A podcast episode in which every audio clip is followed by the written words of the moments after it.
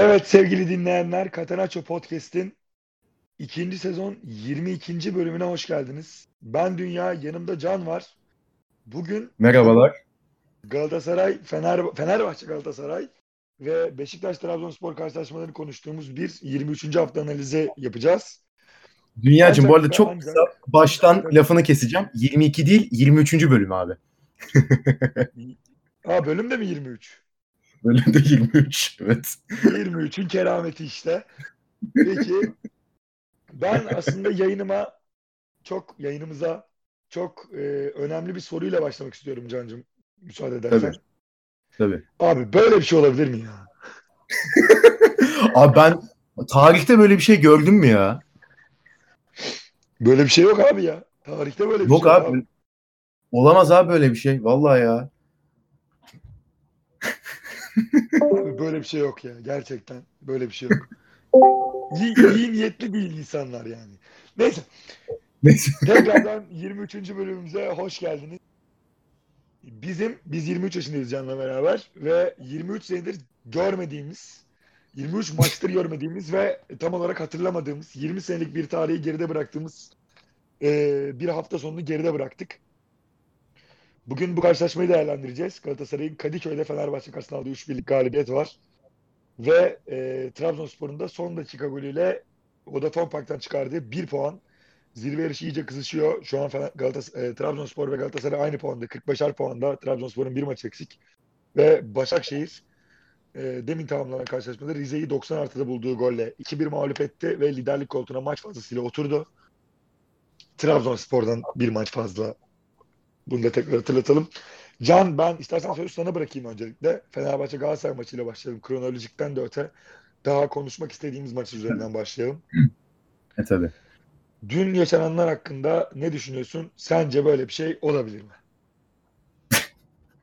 Abi şimdi bir tık uzun konuşacağım çünkü hani 3 ayrı şey var. Ondan sonra sana pas atacağım. Hani e, bölünmemesi açısından da.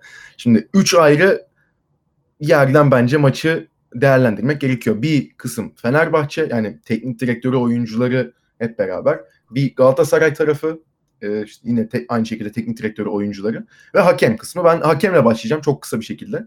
E, çünkü üstüne çok fazla konuşulabilecek bir durum olduğunu düşünmüyorum ben hakemin.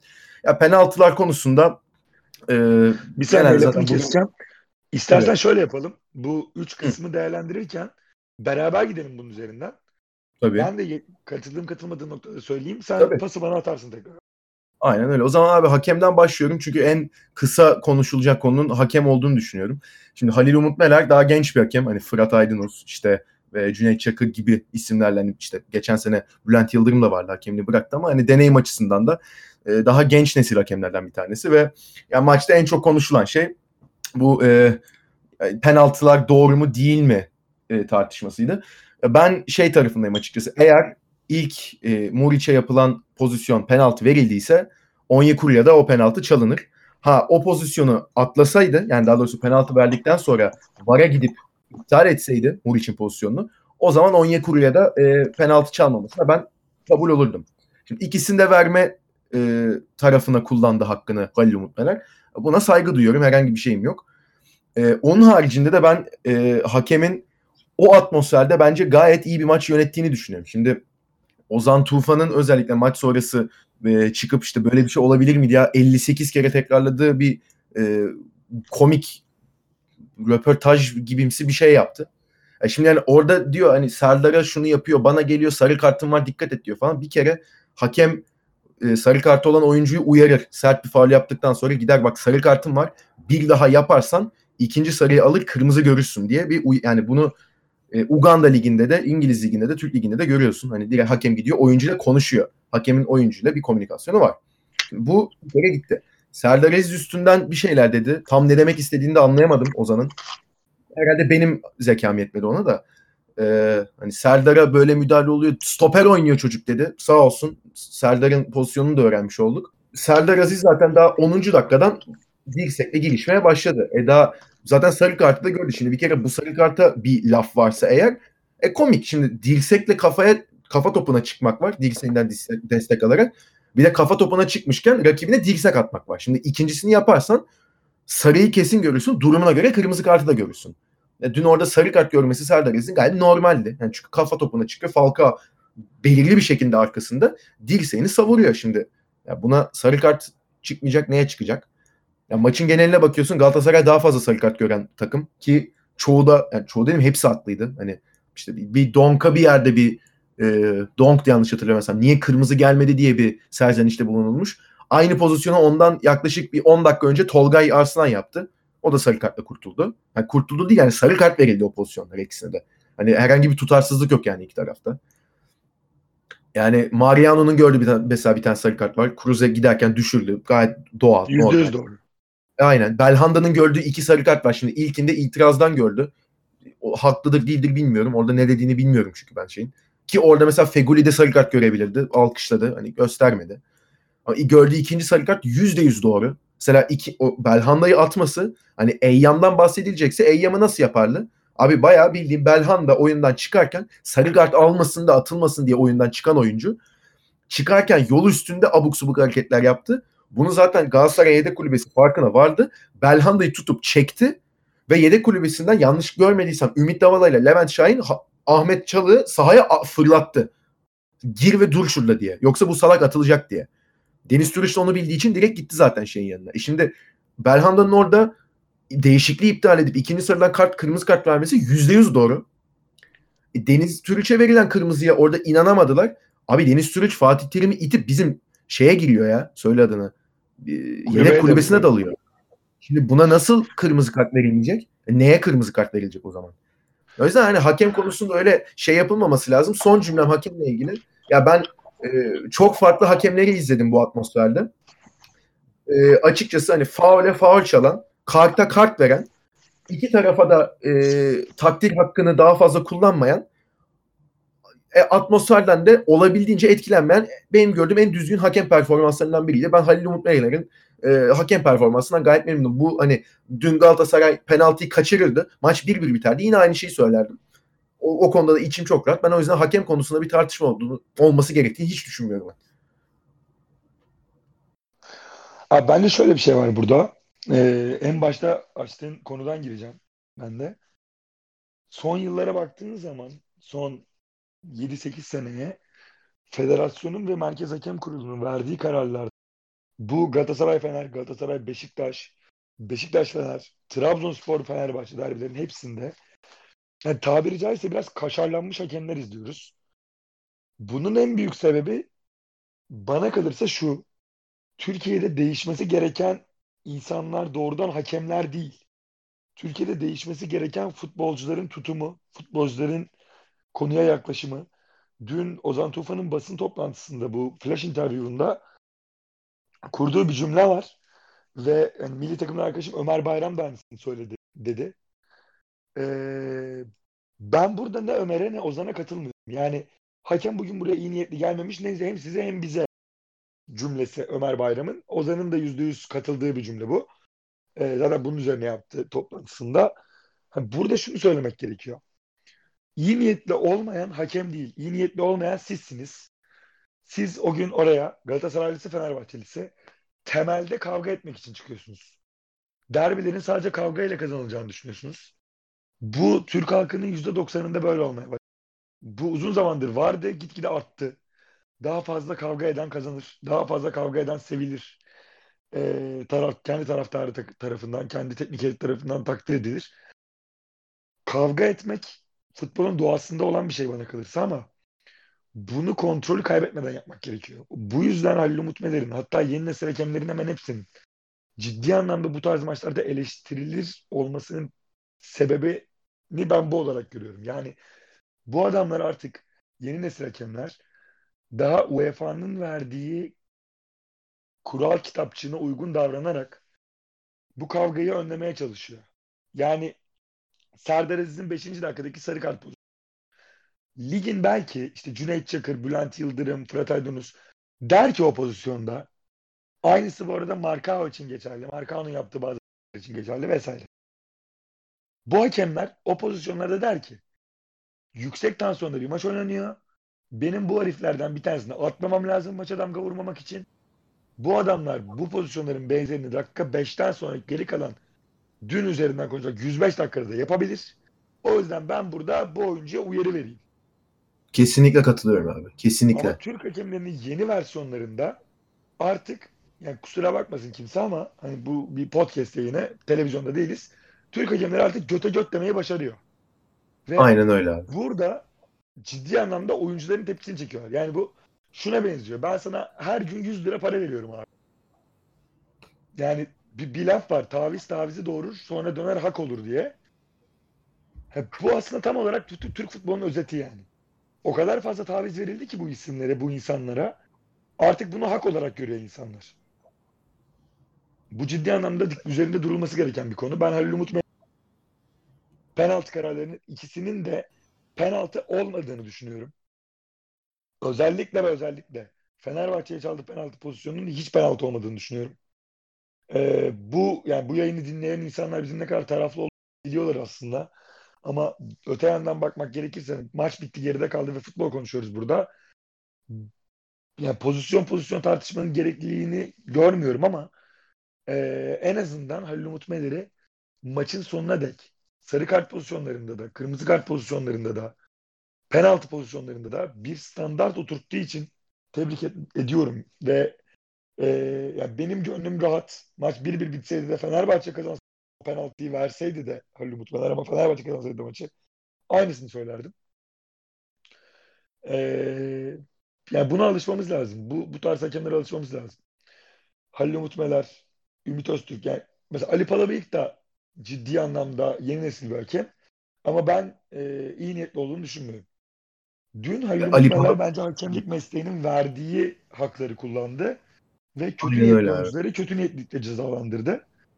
E, tabii bu sarı kart görme gösterme hakkı olmadığı için hakemlerin bazı oyunculara şey geliyor. Evet, aynen öyle haksız abi. geliyor. Aynen öyle. Ki birazcık aynen futbol tarafına geçelim diyecektim. Ben de son e, şeyle o, bir, diyeceğim bir şey de hani bu kart konusunda abi Fatih Terim'le Ersun Yanal ikisi de kart gördü ilk hareketlerinde. Ersun Yanal kırmızı gördü. Fatih Terim sarı gördü. Farkı ne? Ersun Yanal orada sahanın içine dalıp bayağı el kol hareket yaptı. Fatih Terim sahanın içinden kendi oyuncusuna ko- konuşuyordu. Çizgi geçiyorsun tak diye sarı kartı verdi orada da. Ya anladın mı? Hani öyle ya bu tarafa daha çok kayırıyor. Fatih Terim'e sarı kart ver. Fatih Terim orada küfür kıyamet bir şey yapmadı ki. Kendi oyuncusuna sesleniyordu orada. Anladın Ya mı? Ama ona da şey sarı kart bu arada. Ee, özür dilerim lafını kestim. Halil Meler'le ilgili şunu da söylemek gerekiyor bana kalırsa. Evet, doğruyu yaptı. Kartların da hepsi doğru bana kalırsa. Yüzde yüz katılıyorum ama kontrolü böyle maçlarda elinde tutmak için yani iyi hakem olmak demek maçı idare etmek değil maçı yönetmek demek. Halil Umut. Meler bana kalırsa dün maçı yönetti. Ama Aynen diğer öyle. tarafta şunu da söylemem gerekiyor. Halil Umut Meler bunu yaparken kontrolü de ciddi anlamda elinde tutmaya çalıştı. Yani birazcık Evet. da o cesaretinin üzerine hani çok cesur davranıyordu ama o cesaretinin de getirdiği bir korku da vardı. Bir şekilde suistimal edilmemesi gerekiyordu içinde bulunduğu durumun. Yani Serdar Aziz'e 5. dakikada sarı kart gösterdi. Ondan sonra İbre birazcık da Serdar Aziz'e döndü. Ya Serdar Aziz'in korkarak oynaması o saatten sonra Serdar Aziz'in gerçekte yapması gereken şey. Ama Evet abi. korkmadan oynasaydı, Halil Umut Meler orada kırmızı kart çıkarmak zorunda kalsaydı bu da onu zor duruma sokabilirdi. Çünkü bu sefer belki maç 8'e 8 tamamlanacaktı. Çünkü gerçekten sert bir oyun var sahada. Evet O abi çok kontrolü sert. elinde tutmak için birazcık da o kartlarına hani cebindeki güce biraz fazla başvurdu Ali Umut Ee, ama ben doğal karşılıyorum çünkü uzun vadede Ben de. ee, yani birkaç maç daha bunun örneğini görürsek dördüncü, beşinci derbide bu sefer oyuncu diyecek ki abi ben Evet. bu dirseği atmayayım. Dakika 5'te Çat diye sayıyı görmeyeyim başıma bela olacak. Aynen. Aynen öyle. Ya otorite anlamında da doğrusunu yaptı. Abi istiyorsan o zaman buradan e, takımlara geçelim. Ben burada Fenerbahçe ile istiyorum ama ha Şöyle bir şey Yani kazanan burada abi. sonra Ee, bunu yayının başında sen söyledin. Bu arada yayından önce hiç konuşmadık nasıl yapacağımızı da. Ee, ben Fenerbahçe ile Galatasaray'ın ayrı ayrı değerlendirilebildiğini düşünmüyorum ya. Hazırlık aşaması aslında- belki ama Evet, hazırlık aşaması belki ama evet aynen. Ya beraber düşünmek şu açıdan yani o konuda doğru haklısın çünkü Ersun Yanal'ın yapamadığı ve önlem alamadığı şeyleri Fatih Terim çok iyi çalışmış ve Fatih Terim bunların üstüne çok iyi gidip on, hakikaten bir maden bulup orayı işledi. Yani onun üstüne aslında değerlendirmesi gerekiyor maçın. Yani buna herhalde en başından bu e, Jailson stoper, Tolga Arslan ön libero tercihiyle başlamak e, bence doğru olur yani. Çünkü hani şimdi şöyle bir Tam şey var. burada- Jailson Tam burada bir karşılaştırmaya girmek istiyorum. Sonra sözü tamamen sana bırakacağım. Yani zaten Tamam. şu izleyenlere çektir, dinleyenlere çektirdiğimiz çektirdiğim eziyet de apayrı bir boyut. Kusura bakmayın herkes sesim için. Ee, şöyle bir pas atayım sana abi.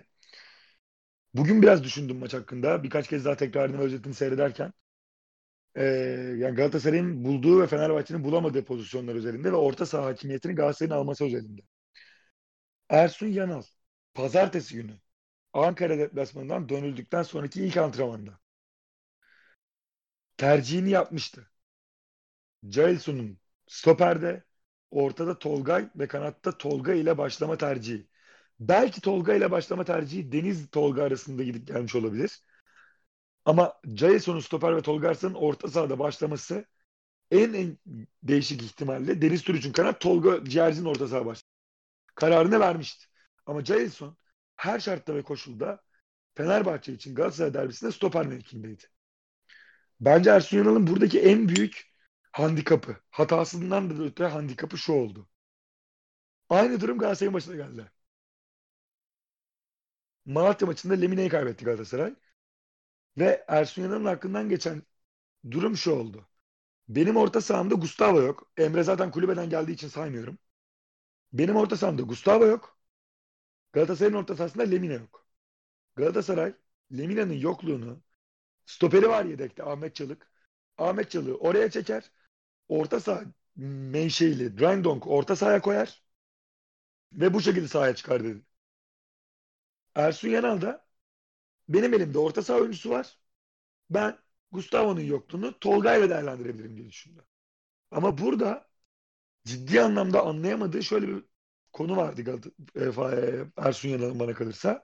Fatih Terim'in tercihi ciddi anlamda rakibi yanıltmaya yönelik oldu. Galatasaray normalde ne yapıyordu? Önce bunu bir konuşalım. Lemina'nın varlığında Seri Lemina Emre Akbaba orta sahasıyla çıkıyordu or- sahaya. Seri Lemina takımın savunma yükünü çekiyordu. Emre Akbaba da serbest oyuncu gibiydi. Ve Falcao'yu destekliyordu. Ciddi anlamda bir gizli forvet, ikinci forvet. Hani eee, doğru tabir mi olur bilmiyorum ama biraz böyle poacher gibi oynadı.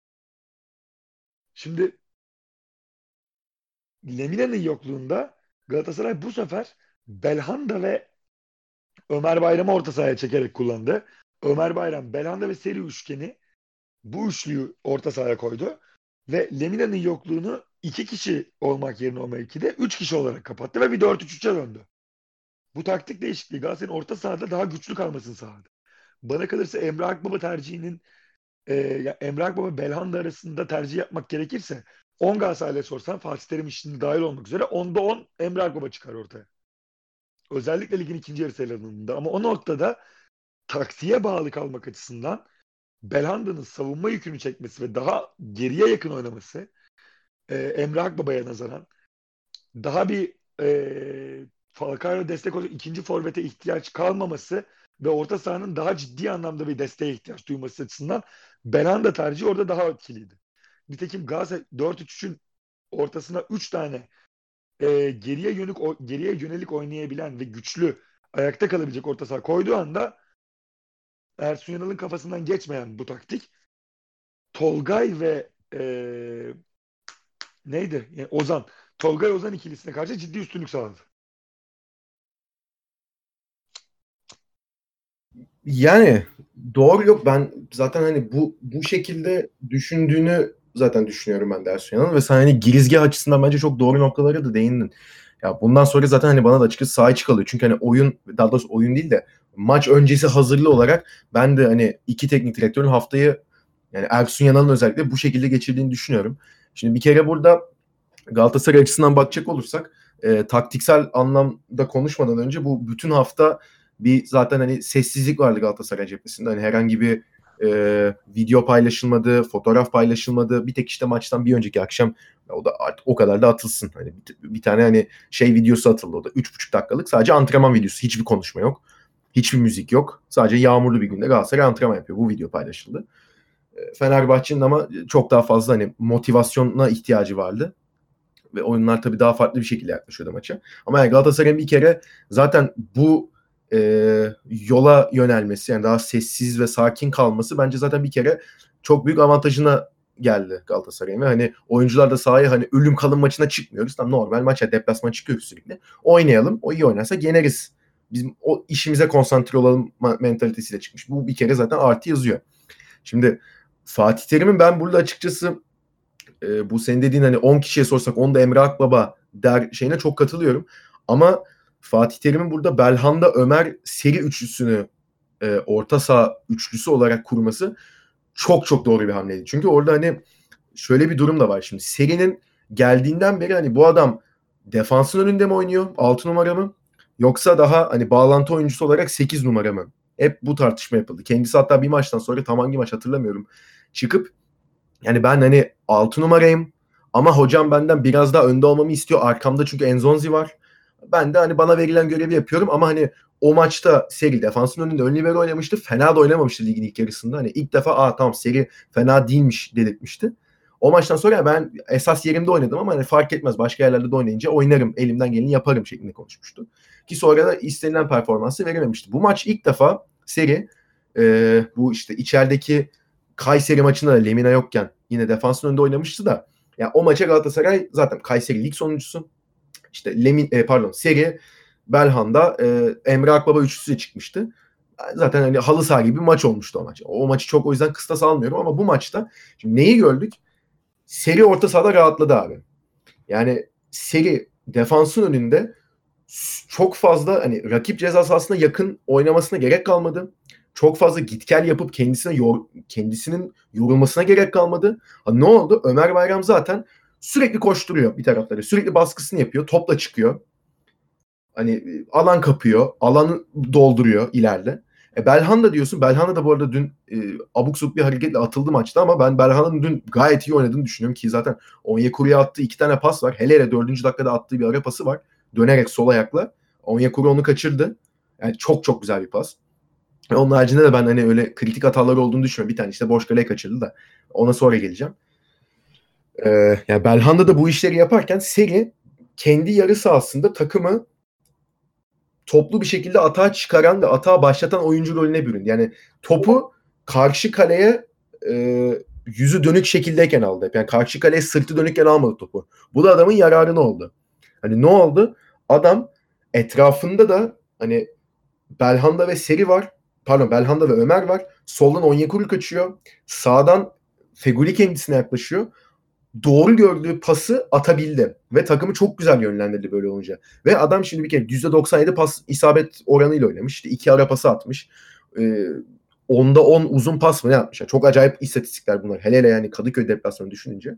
Şimdi serinin bu kadar iyi oyun oynadığını görüyoruz. Yani e, işte Pen, Onyekuru'nun penaltı aldığı pozisyonda çok güzel pası var. Birkaç tane daha yine Onyekuru'ya boş bıraktı. Oyunu açtığı paslar var. Kademede çok iyi işler yaptı. Bunları tabii ki bunlar bu konuda çok övüyorum ben seriye ve Fatih Terim'i de hani o e, şansı verdiği için ve o rolü üstlendirdiği için seri. Tam bir registaydı bu arada. Hani regista nasıl oynanır? Böyle oynanır. Tam onu gösterdi seri. O anlamda da çok mutluyum ben görebildiğimiz için. Ama şimdi burada bence işin diğer tarafına da bakmamız gerekiyor. Seri ve Galatasaray orta sahası üçlü olarak baktığımızda bu kadar rahat oynadıysa bunda Fenerbahçe'nin de bence e, belirli bir miktarda suçu var. Çünkü ne oldu? Abi normalde bizim beklediğimiz e, bunu geçen hafta yayından önce de konuşmuştuk. Yayın dışında da seninle konuşmuştuk. Yani ben hangi Galatasaray'la konuştuysam senle işte Doruk'la başka insanlarla hani kimle konuştuysam bizim beklentimiz neydi? Fenerbahçe zaten kötü bir dönemden geçiyor. Son maçları hakikaten hani bu maçı kazanırsa fikstürü bundan sonra çok rahat ve o gazı alıp ilerleyebilirler. Belki 12'de 12 yaparlar. Şampiyon bile olabilirler. Hani bu mantıktaydı herkes. Ve bu maçtaki hani bu final maçı olarak gördükleri maçtaki plan herkesin kafasındaki neydi? Fenerbahçe iç sahada yeteneğinden çok fiziksel üstünlüğüyle fark yaratıyor. Ne yapıyor? İlk 15-20 dakika rakibi çıkartmıyor. baya hani tabiri caizse dövüyor. Ya bunu hani çok sert oynuyor, faal yapıyor, itiyor, kakıyor o anlamda demiyorum. Ama hani o hücum preste takımın bir anda rakibin üstüne kapanmasıyla hiçbir boşluk vermiyor ve rakibi sürekli hataya zorluyor. Zaten iç sahada mesela 5 attığı maçları veya e, ilk yarıda berabere kaldığı Trabzon maçına işte yendiği Başakşehir maçına bakarsak hep bunları yapmış Fenerbahçe. Muriç ileride deli dana gibi koşturuyor. Bu maçta Geri Rodriguez yoktu ama olduğunda o koşturuyordu. Tolga'nı e, Tolga Ciğerci'yi e, tercih etme sebeplerinden biri de Tolga Ciğerci'nin de e, çok fazla koşup hani o enerjisini sürekli kullanabilmesi ve pres yapması işte defansif katkısı da hani o, o yapıyor. E, Ozan sürekli ileriye git gel yapabiliyor. Bu sene o oyununu geliştirdi. Ama işte mesela dün Gustavo yoktu. Gustavo olmayınca da orta sahada şimdi Tolga Yarslan bunu yapabilecek bir oyuncu değil. Ve maça Galatasaray öyle bir başladı ki şimdi 4 dakikada 2 tane çok net gol kaçtı. Hadi ilk o Onyekuru'nun 30. saniyede kaçırdığında çok şey saymıyorum. Daha çok maçın başıydı. Orada belki maç içinde gelseydi o pozisyon kaleye doğru da gidebilirdi. Beklemiyordu çünkü belki de. Ama Belhanda'nın arabasıyla Onyekuru karşı karşıya kalınca daha 4. dakikada. Hatta üstüne 6. dakikada Galatasaray yine paslaşarak geldi. Mariano arka direğe kesti. Falcao topu dışarı vurdu kafayla. Feguli hatta yanındaydı. Muhtemelen orada Feguli açısını kapadı. Ona vurdurmamak için öyle bir vuruş yaptı Falcao ama yani böyle 3 tane pozisyon var. Şimdi bunu görünce de Fenerbahçe bunu yayında önce de sen söylüyordun. Ve ben hani böyle çok düşünmemiştim ama hak verdim sen söyleyince. Fenerbahçe no, mecburen defans hattını geriye çekti. Ve ne oldu? Şimdi zaten Muriç ileride pres yapacak olan isim olarak bekleniyor. Ve hani bu pres sonucu da hata yapılacak. İşte Cruze o topları kapacak ve pozisyon yaratacak Fenerbahçe. Ama şimdi defans kendini geriye çekince arası bir kere çok açıldı. E, orta sahada Ozan'la Tolgay ilk defa beraber oynuyor. Tolgay bir senedir adam akıllı maça çıkmamış. Kırklareli spor maçında bile düzgün bir performans gösterememiş. Ki gösterse zaten herhangi bir şey fark etmeyecek. Yani Kırklareli Spor'la Galatasaray seviyesinin farklı olduğunu burada anlatmaya gerek yok. Ve Tolgay orada çok büyük bir sıkıntı çıkarlı onlara. E şimdi yani sağ kanatta Dirar da bu baskıyı yapabilir ama Dirar hani ısı haritası çıktı. Dirar'la Isla yan yana yani ısı haritasında üst üste gelmişler. Bu ne demek? Ne sağ kanat oynamış ikisi de ne de sağ bek oynamışlar. İkisi de aynı yerde gidip gelmiş sürekli. Yani normalde bizim gördüğümüz hani Isla ileri çıktığı zaman Dirar kapıyordu. Dirar ileride şey yaptığı zaman Isla kapıyordu. Veya verkaç yapıp birbirlerini araya kaçırıyorlar. Yani bunları da hiç göremedik. Ve Fenerbahçe o baskıyı yapamadı. Fenerbahçe o baskıyı yapamayınca da Galatasaray iyice gidebildi rakibin üstüne. Ve seri iyice rahatladı orta sahada. Yani Ersun Yanal'ın bence takımı hazırlayamamasında ve motive edememesinde burada bence bir e, sıkıntı var. Yani çünkü ilk 4 ilk 6 dakikada 3 pozisyon verebilirsin rakibine karşı. Beklersin, beklemezsin. Ama yani bunu bir şekilde düşünmen lazım. Şimdi maçtan önce çıkıp zaten burası Kadıköy. Formayı koyunca oynuyor. Buranın aurası farklı diyorsun. Çok haklısın. 23 maç kazanamamış bir takım. 20 yıl olmuş. Ama şimdi hani maça da böyle hazırlanılmıyor. O açıdan çok hatalı bence Ersun Yanal. Ve hani şimdi millet de şeyi çok e, eleştiriyor. İşte Tolgay nasıl çıkar? Jailson nasıl hala stoper? Tolga Ciğerci niye hala sol kanat? Şimdi Emre Belezoğlu, Geri Rodriguez ve e, Luis Gustavo yoktu. Ha, ne yapabilirdi? Ben de açıkçası Ozan, Tolga Ciğerci ön libero ikilisi olur.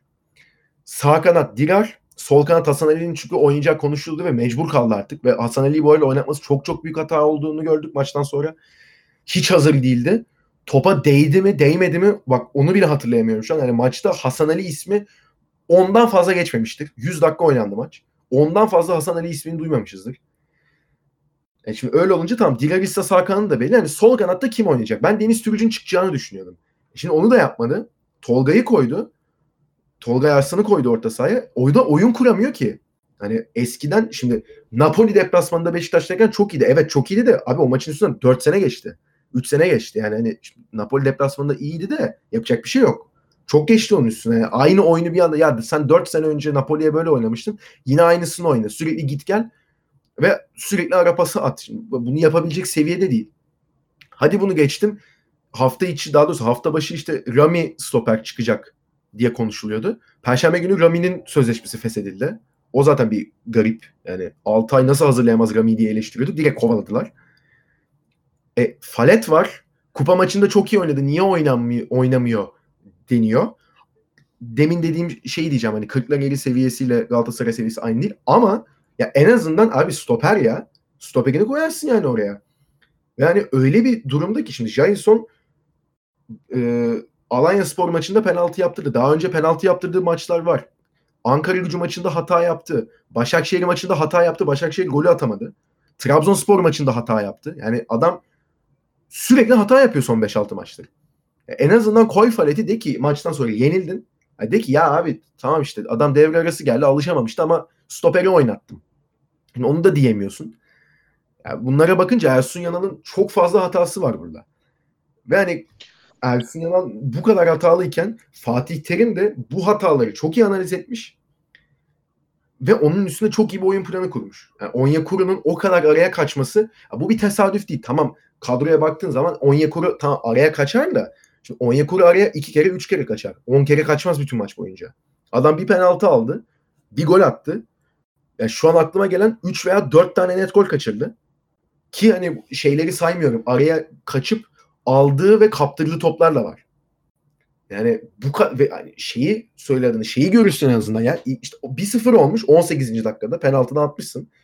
Kaleye ilk defa gelmişsin. Galatasaray ceza sahasına ilk defa girmişsin. Hatta gi, yani girememişsin. Girmeye çalışırken penaltıyı kazanmışsın. Ondan sonra bir dersi ki ulan bak 1-0 öne geçtim.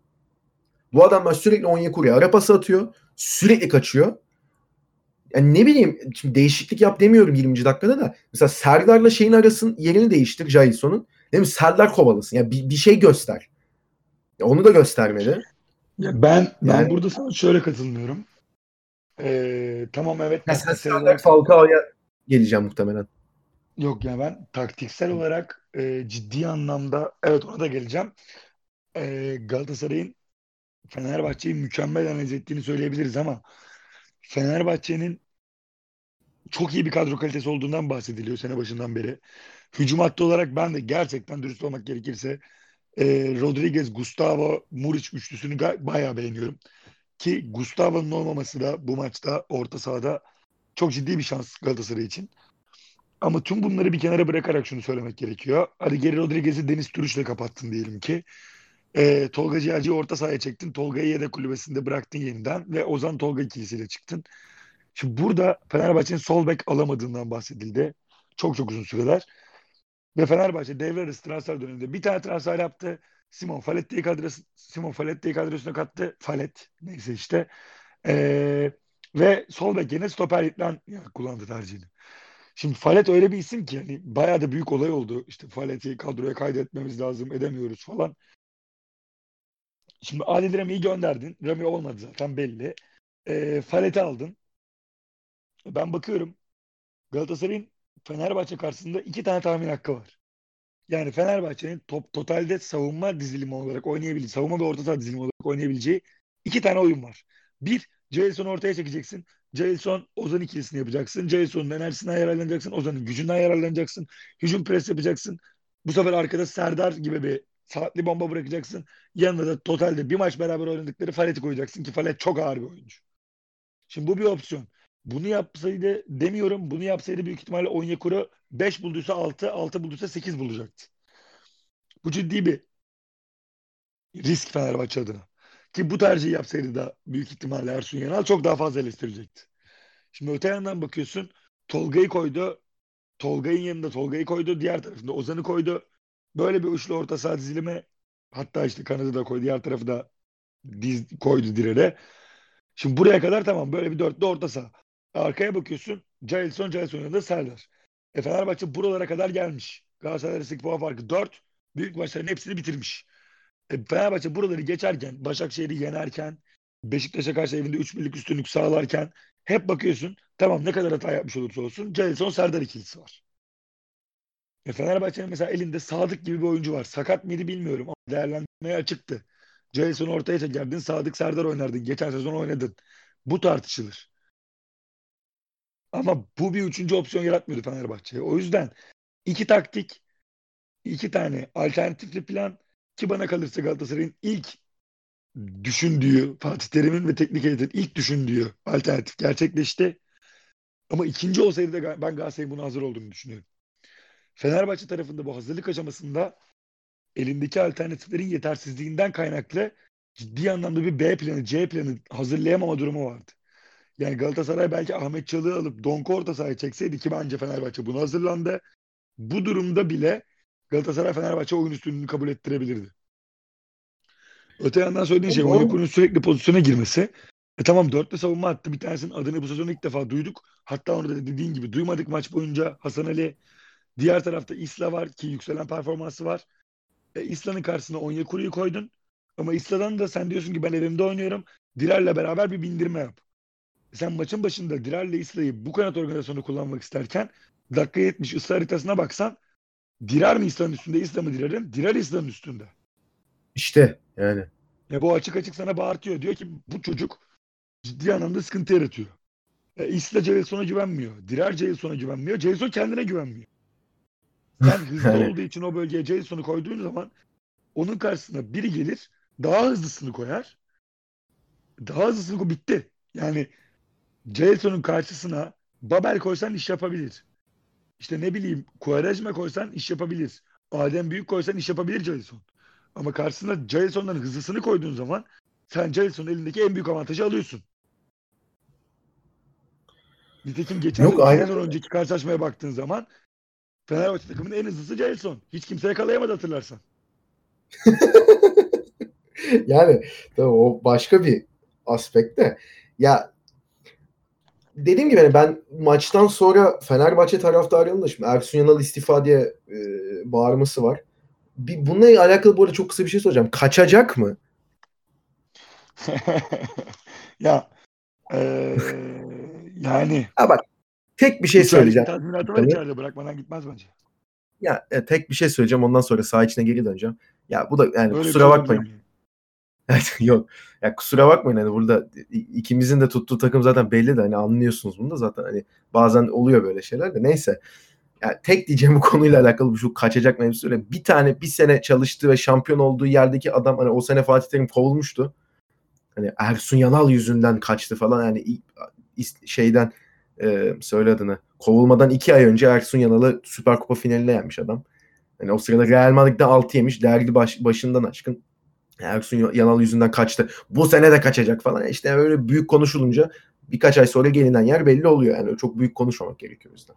Maça dönecek olursak abi şimdi ilk yarıda çok bas yani benim hiç beklemediğim bir Galatasaray vardı şimdi. Biraz işin de hani Fenerbahçe'nin hatalarını konuştuk.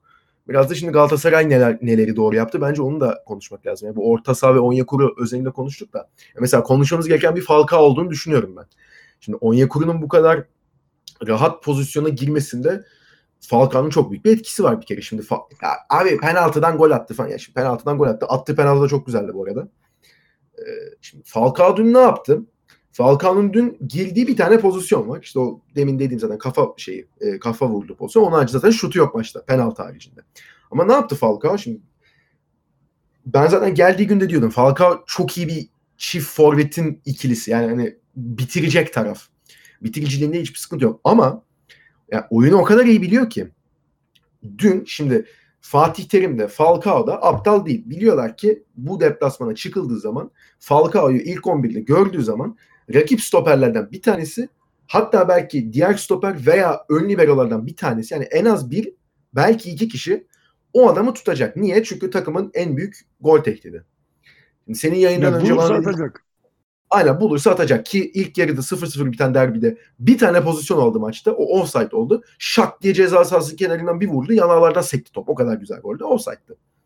Şimdi Adem Büyük'le çıkılsaydı buraya senin e, çok katıldığın bir yorumu senin yaptın. Adem Büyük'le çıkılsa şimdi Ersun Yanal bakacağı zaman ulan Adem tamam atıyor da yani Onyekuru var. Onyekuru'ya şey yapalım. Adem zaten hallederiz diye bakardı. Ama şimdi Adem değil Falcao'yla çıkılınca Abi Falcao'yu hiçbir şekilde boş bırakmamamız lazım. Ne ceza sahası içinde ne ceza yayı etrafında. Çünkü buldu mu çakar. Yani gol olur olmaz. Bir tane vurur direkten döner. Dönen topa vururlar. Bir tane vurur Altay çıkarır. Yine seken top girer. Bir tane vurur gol olur. Yani çok farklı e, tehlikeler yaratabilecek bir oyuncu Falcao. Zaten Falcao Adem kıyası yapmaya gerek yok yani de. Ama dün ne oldu? Fatih Terim ve Falcao da bunu bildiği için Falcao daha çok orta sahaya geldi. Yani forvetliğini tabii ki yaptı. İleride e, oyun kurulumuna da çok yardımcı oldu. Ama bununla beraber orta sahadaki oyun kurulumuna da çok yardımcı oldu. Bu ataklar başlarken seri topu çıkartıyor. İşte Feguli'ye Belhanda Ömer'e kimese veriyor. Orta saha geçiliyor. Falcao rakip ceza e, rakip yarı alanının ortasına geliyor. Duvar oluyor. Ver kaçını yapıyor. Takım bu sayede mesela topu kanada açıyor. Mariano veya Saratçı kanattan geliyor. Bunu yapabildi Galatasaray. Ve bunları yaparken ne oldu? Falcao geliyor orta sahaya. Şimdi mecburen Serdar Aziz'e eşleşmişti onunla. Serdar Aziz onu takip ediyor. Ne oluyor? Sol kanattan Onyekuru bir anda koşmaya başlıyor. Belhanda araya salıyor. Onyekuru karşı karşıya kalıyor. Ya ileride alan açımı arasından yani total bakmak gerekiyor o yüzden bence. Şimdi Onyekuru çok iyi koşular attı. Seri ve Belhanda çok iyi paslar attı. Fenerbahçe'nin Jailson Isla tarafında büyük sıkıntısı vardı. Bu iyi çalışılmış. Bununla beraber son tamamlayıcı nokta olarak da Falcao o alanı yarattı. Falcao ileride kazık gibi bekleseydi böyle bir alan bulamayacaktı Onyekuru ve yani istediği kadar koşsun. O top geçmeyecekti. Çünkü defans attı orada çiz, ip gibi duracaktı orada çizgi halinde. Ama Falcao defansı ileri çektiği zaman yanında beraber götürüyor çünkü. Onyekuru bir anda araya koş atıp o pozisyonları bulabildi. Yani 70'ten e, sonra Falcao tabii yoruldu ama mesela o penaltı pozisyonu da penaltı abi o şimdi o atmosferde herhangi bir baş mesela bir Türk oyuncuya versen ayağı titrer dışarı atar. Belhanda'ya güvenemezsin o konuda. Ne bileyim seriye ne kadar güvenirsin emin değilim. Feguli'ye güvenir misin bilmiyorum. Yani en doğru kişi geçti topun başına. Hiç yani ma- maçtan sonra da söylemiş ya tam bana ne ya demiş tam Kadıköy deplasmanındayız işte. Yani ö- zaten bu topu da kurtaramazsın gibisinden vurdu. Onu da çok güzel yaptı. Direkt ondan sonra çıktı zaten. Yani adam o 82 dakikalık oyunda kaldığı sürede bence ya- ona verilen her şeyi yaptı ki maçtan sonra da e, verdiği röportajda söyledi. Zaten Fatih Terim'in de maç sonrası açıklamalarında vardı. Her oyuncu özel olarak kendi dilinde sen bunları yapacaksın diye talimat ya bayağı kağıt yazmış. Bu da çok acayip bir şey. Ben ilk defa duyuyorum öyle bir şey. Yani her oyuncu özel olarak sen bunu yapacaksın. Şurada şunu yapacaksın. Defansta bunu yapacaksın. Hücumda bunu yapacaksın diye talimat vermesi. Yani bu takdir edilmesi gereken bir nokta açıkçası. Zaten kendisi de oyuncuları övdü. Ödevlerine iyi çalışmışlar diye. Falcao da hani böyle bir direktif aldığını Fatih Terim'den söyledi. Bunu gayet iyi yaptı. Falcao ile beraber abi burada sana Muslera'yı soracağım. Çünkü şimdi 2-1 skor. Mehmet Ekici giriyor oyuna girer girmez abuk subuk bir frikik kullanıyor. Muslera acayip bir kurtarış yapıyor. 5 dakika sonra Mehmet Ekici yine ceza sahası içinde bir şut çekiyor. Muslera orada çok iyi yer tutarak topu da kazanıyor. Yani onun haricinde zaten kaleye gelen top yok. Şimdi hani sence galibiyetin mimarlarından denir mi ya Muslera'ya? Bence denir çünkü yani adam iki yerde çıktı maçı aldı yine. İstediği kadar iyi oynar. Yani. Ya ben e, galibiyetin mimarı Muslera'ya demem bu maç için ama şunu söyleyebilirim. Galatasaray'ın Kadıköy deplasmanında bir galibiyet alması için yıllar sonra Galatasaray takımındaki her bir dişlinin 14 oyuncunun evet. oyuna giren buna dakika 98'de oyuna giren oyuncu da dahil 95'te giren de dahil birden 100'e kadar oynayan da dahil her bir dişlinin en azından iyi olması gerekiyordu. Çok iyi olması Galatasaray takımına artı yazardı ama mesela örneğin dün Henry Onyekuru Golünü attı. Çok iyi koşular yaptı. Çok pozisyona girdi. Ama inanılmaz gol kaçırdı. Onyekuru dün çok iyi değildi. Ama iyiydi. Ya burada galibiyetin mimarı bana kalırsa bir isim ön plana çıkamıyor Galatasaray'da. Ya, Çünkü tabii o ki, tabii. herkesin dersine çok iyi çalışmış olması yani evet Muslera özelinde gerçekten belki Ekici'nin vurduğu ilk frikik 30 metreden gidiyor. 30 metreden bir vuruş o. Tam köşeye gidiyor ve mükemmel bir kurtarış. Ama evet. bu sabah ben dışarıdayken işte ofiste konuştuğumuz bir muhabbet. Başka kalecilerden bu topu gol yemesini beklersin ve kurtardığı zaman büyük bir olay olur. Ama zaten Muslera evet. o golü yerse ben Muslera'dan bunu beklemezdim tepkisi verirsin. İyi kaleci böyle evet. olmuyor. Ve Muslera bana kalırsa Galatasaray Kalesi'nde işte gerçekten ee, kendine layık performanslardan birini gösterdi. Muslera'nın Galatasaray'ın bu dünkü galibiyetinin mimarı olması Muslera'nın dün 10 tane top çıkarmasına bağlıdır. Ki sen onun 10 tane top çıkarmasını beklemezsin Muslera'dan. Alanya galibiyeti Galatasaray'ın bu seneki. Muslera'ya evet. yazar. Ama Fenerbahçe evet, galibiyeti Muslera'ya yazmaz. Muslera sadece dünkü galibiyetin ciddi bir parçasıdır. Ya tabii ki o anlamda diyorum hani maçı tek başına evet. aldığısından değil ama hani ya bu maça da etki etmesi gereken yani ağırlığını koyması gereken yerde koydu. Ya bunu da yaptı yani. Evet evet yüzde yüz. Yani onun da kendine düşen görevi tamamladığını söyleyebiliriz rahatlıkla. Aynen öyle ve ya ben şimdi hani yaş gereği Tafarel'i çok hatırlamıyorum. Yani öyle şimdi şeyleri falan da izliyorum. Turgay Şeren'i zaten izlemek hani arşiv yüzünden zor. Hani Simovic'in belli şeylerini izledim. Hani ya işte Mondragon'a yetiştik biz de. Ya Tafarel'le mesela Tafarel Mondragon Muslera kıyası yapılıyordu. Şimdi Tafarel hakkında bir şey diyeyim. Onun da çünkü çok acayip şeyleri var. Yani izleyebildiğim kısmıyla da. Abi ya ben mesela Mondragon'la e, kıyaslanmasını hiç doğru bulmuyorum. Ya Mondragon'un ben üst seviye bir kaleci olduğunu düşünmüyorum çünkü. Ama yani futbolu bıraktıktan sonra hakikaten çok çok büyük bir boşluk yaşayacak Galatasaray ya. Çok acayip bir seviyede. Ya yani. kaleci konusu... Ben dün ilk defa çünkü bu arada lafını bölüyorum. Ya bu adam futbolu bırakınca biz ne yapacağız diye ben dün düşündüm ilk defa. Çünkü yaşı da 33-34 yani 4-5 sene daha oynar da bu adam bırakınca biz ne yapacağız? Ben ilk defa dün bunu düşündüm. Ya kaleci konusu gerçekten yani, teknik heyetinden taraftarına yönetimine kadar herkesin içini rahat etmesi gereken bu konu. Yani bugün Liverpool'un kalecisi, e, eski Liverpool kalecisi tamam Şampiyonlar Ligi'nde çok büyük bir hata yaptı ve sonrasında yolu Beşiktaş'la kesişti. Yani bugün birazdan bir değerlendiririz kısa. Beşiktaş Trabzon maçında Trabzonspor iki kere kaleye geliyor. iki gol atıyor. Yani maç sonu açıklamasında kaleci diyor ki biz 20 tane gol kaçırdık. Trabzon iki kere geldi. iki tane gol attı. Yani bir dön de ki hakikaten rakip iki kere geldi. iki gol attı. Bunun suçlusu kim acaba amına? Tövbe tövbe.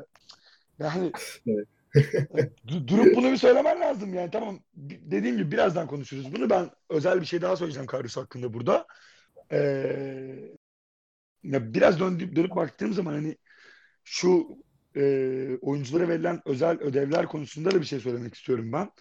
Evet. Ya burada evet Falcao açık etmiş, açık açık söylemiş. Hani bana verilen görev Onyekuru'ya alan açmaktı.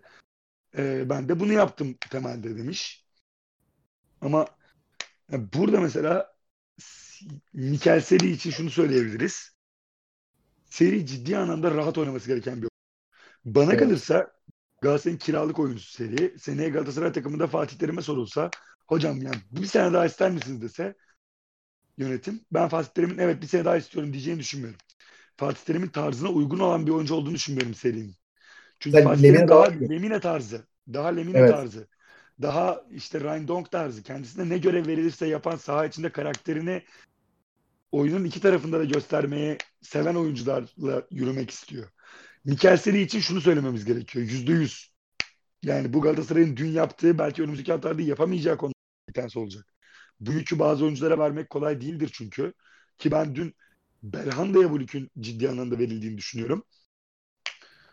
Mikel Seri'nin Galatasaray'da oynadığı sahada bulunduğu süreçte ciddi anlamda toplu topsuz oyunda top Galatasaray'dayken zihninin diri ve etrafının rahat olması gerekiyor. Şimdi bunu sağlamak tek başına serinin yapabileceği bir iş değil. Mutlak ve mutlak yanındaki bir, bir ya da iki oyuncunun yapması gereken bir iş. Burada Ömer Bayram ve Belhanda özelinde Ömer'in normalde Ömer'in yapmasını bekler, beklerdim. Normalde Ömer'e verilmesini beklerdim bu görevin ama dün ben Belhanda'ya verildiğini düşünüyorum. Çünkü seri rahatsa ve etrafı rahatsa fiziksel olarak ve kafa olarak oyunda kaldıysa, diriyse ciddi anlamda attığı paslarla yani %97 pas isabeti tutturan bir oyuncudan bahsediyoruz Kadıköy deplasmanında. Evet. Şimdi bu serinin %100 anlamda fiziksel olarak etrafının rahat ve kafasının diri olduğunu gösteriyor. Ama serinin bunu yapması için top Fenerbahçe'deyken Galatasaray cezasının içinde kıçıyla top kesmemesi gerekiyor. Belhanda'nın Vedat Muriç'le Vedat Muriç'le tekme tokat birbirine girmemesi gerekiyor sanki içinde. Ya da Ozan Tufan'la kavga etmemesi gerekiyor. Serinin ona bulaşa neden olmayacak. Bunun yerine bu pis yani futbolun sahanın içindeki pis işlerin hepsini serinin etrafındaki insanlar yapacak. Seri futbolun temiz kısmında oynayacak. Şimdi bu ne Galatasaray'ın ne Fatih Terim'in kafasındaki orta saha profiline uygun değil. Ama seri o kadar kaliteli bir oyuncu ki aslında bu duruma evrildiğinde, bu duruma geldiğinde seri gibi bir isim için bu yük çekiliyor. Zaman zaman Ömer çekiyor, zaman zaman Belhan da çekiyor. Ama galibiyetin mimarı dediğim için söylüyorum. Yani kimse de dönüp evet gol atmadı, asist yapmadı ama dönüp de işte galibiyetin bir numaralı mimarı seri demez. Ama bana kalırsa dünkü Galatasaray'ın esas performansını belirleyici oyuncu da seriydi. Yok kesinlikle yani dünkü katkısı çok çok üst seviyedeydi ya ve ben hani çekinmiştim ilk orta sahayı gördüğümde hadi tamam 4-3-3 oynanacak seri savunma önü ya da yani Belhanda'yı daha mı ileri atacak acaba Ömer'e mi koyacak oraya diye düşünüyordum ama yani o görevi hakikaten etrafında o pis işleri senin dediğin gibi yapan iki isim olunca ne kadar kafası rahatladığını ve performansını ne kadar yukarı çektiğini görebiliyoruz. Abi burada son ya zaten 50 dakikadır bu maçı konuşuyoruz. Biraz da uzun bir yayın olacak da olsun yani. yani iki tane derbinin olduğu hafta sonuçta. Ee, son burada sana sormak istediğim şey zaten Trabzon Beşiktaş özelinde de e, bu soruları soracağım da e, birincisi şimdi Fenerbahçe'nin ben açıkçası bu saatten sonra şampiyonluk şansının pek kaldığını düşünmüyorum. Yani sırf Galatasaray'la bir 7 puanlık farkı var ki daha Trabzon'un e, eksik maçı var. Başakşehir zaten lider. E, yani geçmesi gereken Fenerbahçe'nin 6 tane e, şey 5 tane takım var zaten. Ve yani fikstürleri her ne kadar kolay gözüküyor da olsa yine deplasmana da gidecekler. Beşiktaş deplasmana da çıkacaklar. Yani işin zor kısmını arkada bıraktılar evet ama o zor kısımdan çok büyük yer alarak çıktılar ve mesela Ankara gücü galibiyeti beklenmeyen bir şeydi. Bu hafta Antalya deplasmana gidiyorlar. Puan kaybedebilirler. Ve hani Fenerbahçe sorusunda sorulabilecek şey yani Ersun Yanal gider mi kalır mı? Yani giderse ne olur kalırsa ne olur? Yani şampiyonluk şansı nedir? Bunlar sorgulanabilir. Ama dediğim gibi ben Ersun Yanal'la hani bugün olmasa da haftaya veya iki haftaya yolların ayrılacağını düşünüyorum bununla beraber mesela Galatasaray özelinde de hani sence bu galibiyet artık hani Galatasaray'ın da daha tabii gideceği ne bileyim işte Başakşehir deplasmanı var, Sivas deplasmanı var çok kritik. İçeride oynayacağı Trabzon Beşiktaş maçları var. Ligin son 3-4 haftası daha bir nispeten rahat ama Alanya deplasmanı var ki zaten Trabzon, Alanya, Başakşehir hani 4 hafta içinde o 3 takımla oynayacak. Yani hala daha kat etmesi gereken yolu var değil mi Galatasaray'ın? Yani direkt yani şampiyonun en büyük iki favorisinden biri Trabzon'a demek şu an hala erken mi? Yani birincisi iki favorisinden biri demek bence çok yanlış. Bugün 92. dakikaya kadar Avrupa deplasmanından dönüp mücadele eden ve Rize deplasmanından çıkmayı başaran bir Başakşehir var. Üç favorisinden biri diye düzelteyim onu. Bence Tabii doğru. Erken, yani bu saatten sonra erken değil. Ee, konsantre olmuş bir Galatasaray'ın ne kadar tehlikeli olduğunu ve bu yarışın içinde kaldığı süreçte e, finişlerinin ne kadar kuvvetli olduğunu biliyoruz. Ama şunu da söylememiz gerekiyor. İçeride oynadığı nispeten nispeten kolay maçların hepsini kazanması gerekiyor Galatasaray'ın. Buna da bu hafta itibariyle Gençler Birliği maçıyla başlaması gerekiyor. Öte yandan senin saydığın Başakşehir, Sivasspor ve Alanya deplasmanları. Üçü de birbirinden zor deplasmanlar. Hatta belki Fenerbahçe'nin işte bu Kadıköy'de Galatasaray karşısında çıktığı kadrodan ve oyundan ve geçtiğimiz haftalarda aldığı yaralardan dolayı e, bir tık daha bazılarından kolay bir deplasman olduğunu söyleyebiliriz. Her ne kadar 20 senedir kazanamıyordu olsa Galatasaray. Ama e, dün akşam itibariyle Galatasaray'ın şöyle de bir avantajı var. Bu yıllardır elde edemediği bir avantaj. E, önünde her ne kadar zor deplasmanlar olursa olsun bu takım Sivas'a gideceği hafta aklına bu maçı getirecek ve diyecek ki 20 senedir kazanamadığımızdan galip döndük. Sivas'ı deplasmanda yeneriz. Alanya'yı deplasmanda yeneriz. Başakşehir'i de deplasmanda yeneriz. Bu psikolojik e, üstünlüğe girdiği zaman Galatasaray girdiği anda e, ciddi anlamda bir artı yaratıyor rakiplerine karşı. Ki evinde Trabzon'u ağırlayacağından da bahsedelim. Yani ben Galatasaray'ın önünün açık olduğunu düşünüyorum ama diğer yandan baktığım zaman da e, bu oyunun aldatıcı olmaması gerektiğini düşünüyorum Galatasaray adına. Yani geri kalan 10 haftanın 10'unda da bu oyunu sürdürebileceğini de düşünmüyorum Galatasaray'ın. Bunu da göz ardı etmemek gerekiyor. Peki Ersun Yanal ve Fenerbahçe birlikteliği hakkında ne düşünüyorsun? Yani biter mi o? Sezon sonuna kadar yani sezon sonuna kadar ben devam. Yani. Ben düşünmüyorum. Ee, ben Fenerbahçe yönetiminin ciddi anlamda şu anda oturup yeni teknik direktörlerini belirlemeye çalıştıklarını ve bunun hakkında araştırma yaptıklarını düşünüyorum. Ee, burada Ali Koç'un alacağı karar çok kritik. Yani Ali Koç ilk geldiği zaman bir vizyon ortaya koymaya çalıştı Fenerbahçe'de. Ee, bu Filip Koku ve neydi ya o herifin adı? Ee, Ervin Kuman. Yo yo Filip Koku'nun e, sportif direktörü transferleri yapan. Ha Komolli.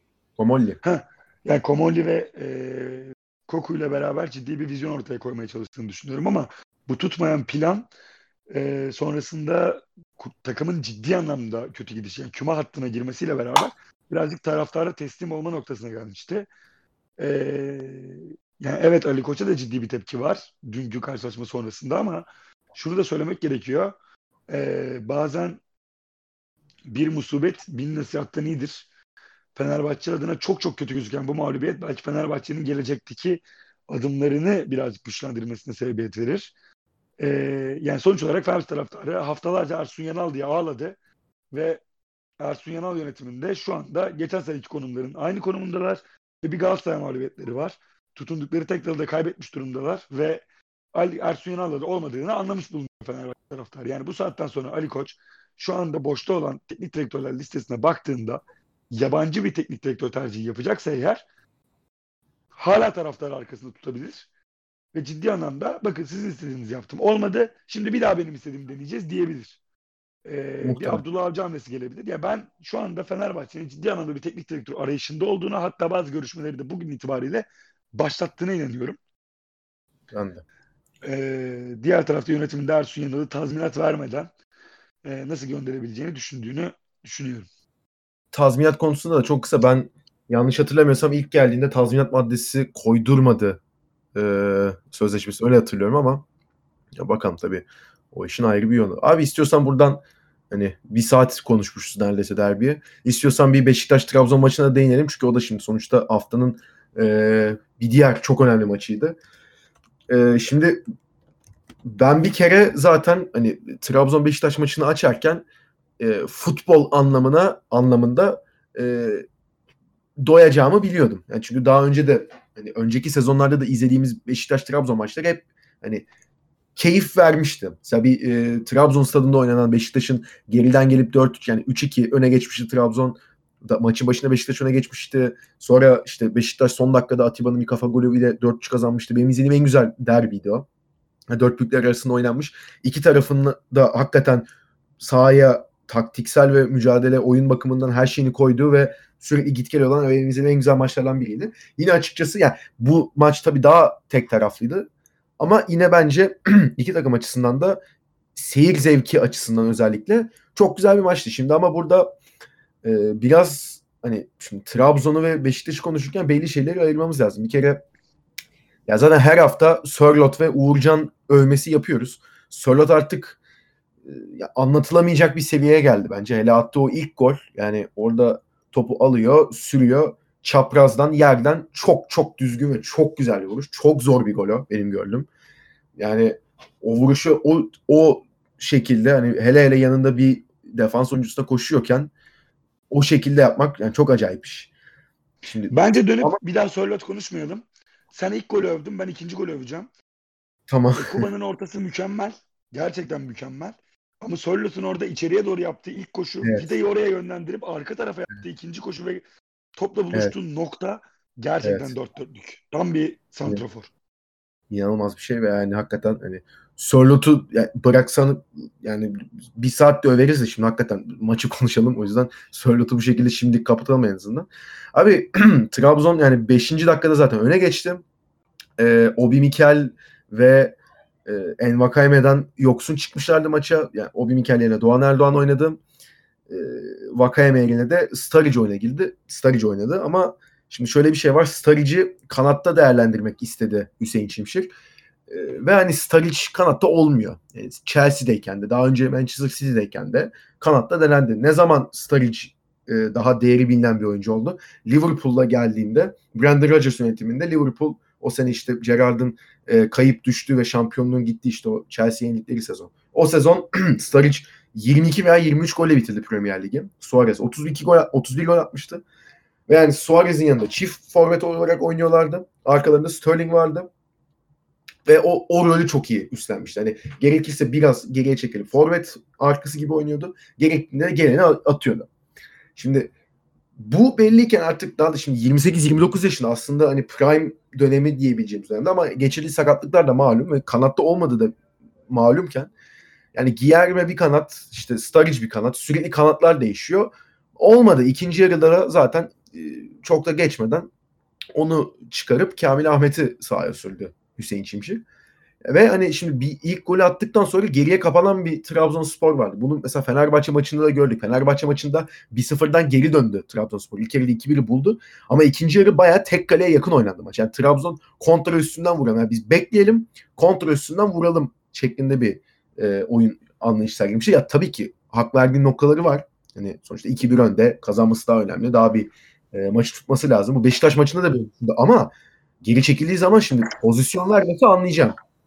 Şimdi bu maç Vakayeme de yok. Geriden topu çıkaracak Obi Mikel de yok. Halis Sosa var ama Obi Mikel olmayınca Doğan Erdoğan o defansif açıdan da ve defanstan top alıp çıkarmayı da onun kadar yapamıyor. E, öyle olunca yani Beşiktaş bayağı zorladı Trabzon'u. Yani çok gol kaçırdılar. Yani bakıyorum zaten 29 şut çekmişler bir kere. Zaten aynı pozisyon içinde 3-4 şut çektikleri çok pozisyon var. Mesela Vida'nın pozisyonunda bir Boateng vuruyor direkten dönüyor. Biri vuruyor. Burak yanlış hatırlamıyorsam e, pardon şey e, aynen Burak vuruyor. Kaleci Uğurcan son anda çıkarıyor. Son anda seken topu hani çizginin üstünde Vida vuruyor. Hani öyle goller geldi. Beşiktaş'ın golleri ve ondan sonra daha da pozisyon bulmaya da e, devam ettiler yani 2-1 bulduktan sonra Beşiktaş. Ama maç Uğurcan olmasa 3'e 4'e giderdi. Belki 5'e giderdi. Yani daha da acayip bir skor çıkabilirdi ortaya. Ama Beşiktaş'ın da burada eleştirilebilecek noktası ben Sergen Yalçın'ın geldikten sonra hani 4 maç içinde bu kadar e, fark yaratacağını açıkçası düşünmüyordum. Yani ne açıdan düşünmüyordum? Yani şimdi takımda katılan bir tek Kevin Prince Boateng var. Tamam çok önemli bir oyuncu. Çok da iyi başladı. Ama yani takımın geri kalanına baktığın zaman aynı isimlerden kurulu bir kadro. Ama yani takımın en azından hani hücum pres yapmaya başladı. Ee, daha hızlı top çevirmeye başladı ve pozisyon bulmaya başladı. Yani Abdullah Avcı'nın sıkıcı yan pas, e, işte kaleciye pas. Ay kaleci de şey e, ön libero gibi oynasın. Ay o da pas yaptı falan. 178 tane pas yaptık ama top avuta çıktı. İşte maç sonunda 868 pas yaptık. E, %78 topla oynadık. Ama işte topu sokamadık. 0-0 bitti. Yani bu, bu oyun anlayışını bir kenara bırakması bence Sergen Yalçın'ın e, en önemli katkısı oldu Beşiktaş'a ki zaten bakıyorsun hani %63 topla oynamışlar zaten. Yani hani hızlı oynayarak. Zaten top sende kalıyor yani öyle durumlarda. 486 tane pas yapmışlar. Yani hani bu sayıya bakılacak bir şey değil. Yani bu sayıları daha fazlasını Abdullah Avcı döneminde Beşiktaş yapıyordu. Uyuyakalıyordu maçın başında. Bu maç ama çok güzel bir oyun sergiledi Beşiktaş. Ha topu sokamadı kaleye. Yani topu kaleye sokamamasını da ben açıkçası burada şanssızlık olarak değerlendirmeyeceğim. Bir Uğurcan'ın çok çok iyi bir performansı vardı. Yine klasik şaşırtmadı zaten. İki yani Beşiktaş'ın e, kanatlarına baktığım zaman Enkudu bir 2-3 maç fena oynamamıştı. E, bir iki gol de atmıştı ama Enkudu gol yollarında sıkıntı yaşayan bir oyuncu. Hani ben ilk geldiğinde demiştim hızlı ama çok sakatlık yaşıyor. Sakatlık yaşamazsa istikrarlı bir şekilde oynarsa hızından Beşiktaş çok yararlanır, tekniğinden de yararlanır ama gol yollarında istediği katkıyı alamaz demiştim. Lens zaten var mı yok mu belli değil. E, Lens'in yerine giren Diaby ben birincilik seviyesinde olduğunu düşün yani Süper Lig seviyesinde olduğunu düşünmüyorum. O da zaten sürekli kaçırıyor. E, pozisyona sokuyorlar yani adamı. E, öyle olunca da yani atamıyorsun. Bir tane Ekuba'nın çok çok güzel asistini işte Sörlot attı. Ve yani 2-2 bitti maç. Ben açıkçası Beşiktaş'ın daha çok hak ettiğini düşünüyorum maçı ama e, yani Sergen Yalçın'a maçtan sonra dedi zaten hani ben çıkıp filkik atmayı, gol atmayı öğretemem oyuncular. Yani yapacak bir şey yok diye. O konuda da ben Sergen Yalçın'a hak veriyorum. Yani bence Beşiktaş ve Sergen Yalçın elinden geleni yaptı ama e, oyuncu bazındaki o kalite eksikliği Beşiktaş'ın burada puan kaybetmesine sebep oldu diye düşünüyorum. Ya ben Sergen Yalçın'ın e, 90 artı 7 ve çıktığı ilk derbiden sonra takımını işte ben oyunculara yetenek yükleyemem şeklinde eleştirmesini doğru bulmasam da e, içselleşmiş söylem olarak buna hak veriyorum. Çünkü gerçekten çok pozisyona girdi Beşiktaş. Bunu bu arada Filkik anlamında söyledi. Filkik kullanan şey Burak iki tane Filkik'i şeye vurdu ya e, baraja vurdu ya ya ben çıkıp Burak Filkik atmayı bu yaşında öğretemem dedi. O konuda haklı bence. Hani yani yeteneksiz söylediği bir şeye bir şey demiyorum ama e, takımının kaçırdığı çok gol vardı. Burada şunu da söylemek gerekiyor. E, Trabzon'un Beşiktaş'ın ikinci golünden sonra herhangi bir oyun üstünlüğü elde edemediğini ama Boateng'in sakatlığından sonra biraz daha gelmeye başladığında hani dikkat çekmek lazım bu duruma. Bence Boateng Beşiktaş için ciddi bir şans ligin ikinci yarısında. Yani şampiyonluk konuşmuyoruz şu an Beşiktaş için. Ama ligin üst sıralarında ligi bitirmesi için bence son dakikada yapılmış çok ciddi bir hamle. E, Boateng. E, yani ben Beşiktaş'ın toparlayabileceğini düşünüyorum. Daha yani en azından bana kalırsa bu sezon oynadığı en iyi futbol oynadı Beşiktaş. Trabzon'da e, buraya kadar çok iyi geldi evet ama iyi oynayan bir takıma karşı e, birazcık sendelediğini, tökezlediğini düşünüyorum. Ben Kadıköy, e, Türk Telekom Arena'dan e, rahat rahat çıkabilecek bir Trabzon görüyordum. Ligin ilk yarısına baktığım zaman hani ne kadar Galatasaray Şenol Güneş stadında beraberlikle ayrılmış olsa da son dakikada bulduğu golle bu Trabzon Galatasaray'ı yener diyordum. Şu an için bu kadar rahat konuşamıyorum. Bunu söyleyemiyorum çünkü Trabzon'un da e, ya bugün bir söylem okudum sonra üzerine düşündüm. Fenerbahçe ve Trabzonspor için savunma sistemleri tam oturmamış iki takım olduğu için takımların alacağı galibiyetler daha çok hücum performansına bağlı. Yani çok formda bir Sörlot Trabzonspor'un daha fazla gol atıp yani yediğinden fazla atıp maç kazanmasını sağlayabilir. Yani iyi hücum attı sana galibiyet getirir. Ama iyi savunma attı sana şampiyonluk getirir. Hani burada savunmanın oturması çok değerli. Yani buradan dönüp Galatasaray şampiyon olacak gibi bir hayal satmıyor. Ama baktığın zaman ligin hani bu ikinci yarısında oynadığı işte 7. maçta hani 6. 7. maçtı bu. Ee, 17, 18, 19, 20, 21, 22, 23. Yani 7. maç hani iki gol yemiş, üç, üçüncü golünü yemiş bir takımdan bahsediyoruz. Ve bu şekilde ele aldığın zaman da e, iyi bir savunma hattı olan, yani en azından iyi bir savunma sistemi oturtmuş Galatasaray'ın. Burada ciddi zorluk çıkaracağını düşünüyorum, düşünüyorum rakiplerine. Valla ben de katılıyorum ya ve burada senin dediğin çok önemli bir şey var. Bu e, işte Türk Telekom'dan rahat çıkabilir gibi görüyordum ama şu an çıkamaz e, gibi görüyorum diyorsun. Ben de buna katılıyorum. Yani Türk Telekom Arena'da şampiyonluk mücadelesi veren bir Galatasaray bu kadar kapanırsa Galatasaray orayı yani geçen sene Başakşehir maçında gördük açıyor yani. Beşiktaş maçında da açtı. Başakşehir maçında da açtı. Trabzon maçında da açtı. Yani açıyor Galatasaray oraya. Orada ta, e, taraftarın gücünü alıp. Ve abi burada çok kritik bir durum var. Yani ligin sonuna bence de hani e, Galatasaray, Trabzonspor ve Başakşehir üçlüsü kalacak. Sivas da bu hafta bu arada kazandı. Yine bir rahatla yani rahatlamadı tabii hani ama birkaç haftadır kazanamıyordu en azından e, şu an dördüncü sırada ve hani lider Başakşehir'in bir puan gerisinde. Yani, puanlamaya baktığımız zaman zaten Başakşehir 46, Trabzon Galatasaray 45 ve, ve Sivas Spor 45. Yani Trabzon maç eksiği var tabii. Şimdi e, Sivas'ın ama ben hani son 3-4 haftaya e, girebileceğini çok şu an düşünmüyorum. Yani bu iki haftaya Galatasaray'la oynayacakları maç çok kritik olacak da. Bu ligin ilk yarısında e, Şenol Güneş Stadyumunda oynanan ve 1-1 biten maç bence ligin sonunda ligin kaderi ve şampiyonluğu için çok çok önemli bir hal aldı şu an. Yani şu anlamda Trabzonspor maç 1-0 öne geçmişti. Ee, Galatasaray ilk yarıda hiçbir şey gösterememişti. Ve Galatasaray golü yedikten sonra belki de ligin ilk yarısının yani en iyi 45 dakikasını oynamaya geçtim. Tek iyi 45 dakikasını oynadı. Yani takımca Galatasaray o maç ilk yarıda belki tek hani bir şey gösterdiği maç oydu. Lig, e, ilk yarının sonundaki Antalya Spor maçını bir kenara koyuyorum. Onu saymıyorum çünkü. Durum bu do, dolayısıyla Antalya Spor'un o sırada bile. Yani ve o maçta Galatasaray 90. dakikada Nagatomo'nun golüyle beraberliği yakaladı. Şimdi Galatasaray kazanırsa eğer kendisi aslında bir puan eşitliğinde bir kere zaten ikili verajı almış olacak orada son dakikada bulduğu gol sayesinde. Veya son haftalara e, yakın puanlarda girildiğinde mesela Galatasaray 2 puan önde olursa o galibiyetten kazandığı bir puan onun için önemli olacak. Yani orada o maçta Trabzon'un Galatasaray'ı yenememiş olması şu an bence çok daha önemli bir hal oldu. Ligin sonu için özellikle. Yüzde yüz katılıyorum söylediğine. Yani o çok kritik bir an olacak. Bu arada abi şey de çok acayip ya söylediğini. Şu an puan tablosuna bakıyorum da abi Başakşehir, Trabzon, Galatasaray, Sivas işte 46, 45, 45, 45. Üçünün de 13 galibiyeti var. Trabzonspor'un yani Galatasaray Sivas zaten 13-6-4 yapmış. Sivas e, pardon Trabzon 13-6-3 yapmış. İşte bir maç eksiği var. Başakşehir de 13-7-3 yapmış. Yani Başakşehir'in bir tane beraberliği var mağlubiyeti. Yani. yani çok acayip sıkıştı o dörtlü ya. Yani bu arada puan durumuna baktığımız zaman da abi o dörtlü koptu gibi artık ya. Yani Alanya Spor'un zaten ben hani gerçekçi bir şampiyonluk adayı olduğunu pek düşünmüyorum ki bu hafta da Beşiktaş'la oynayacaklar. Ben onların daha çok kupaya yöneleceğini düşünüyorum. Yani bu dörtlü arasında e, acayip bir yere gidecek bence ya.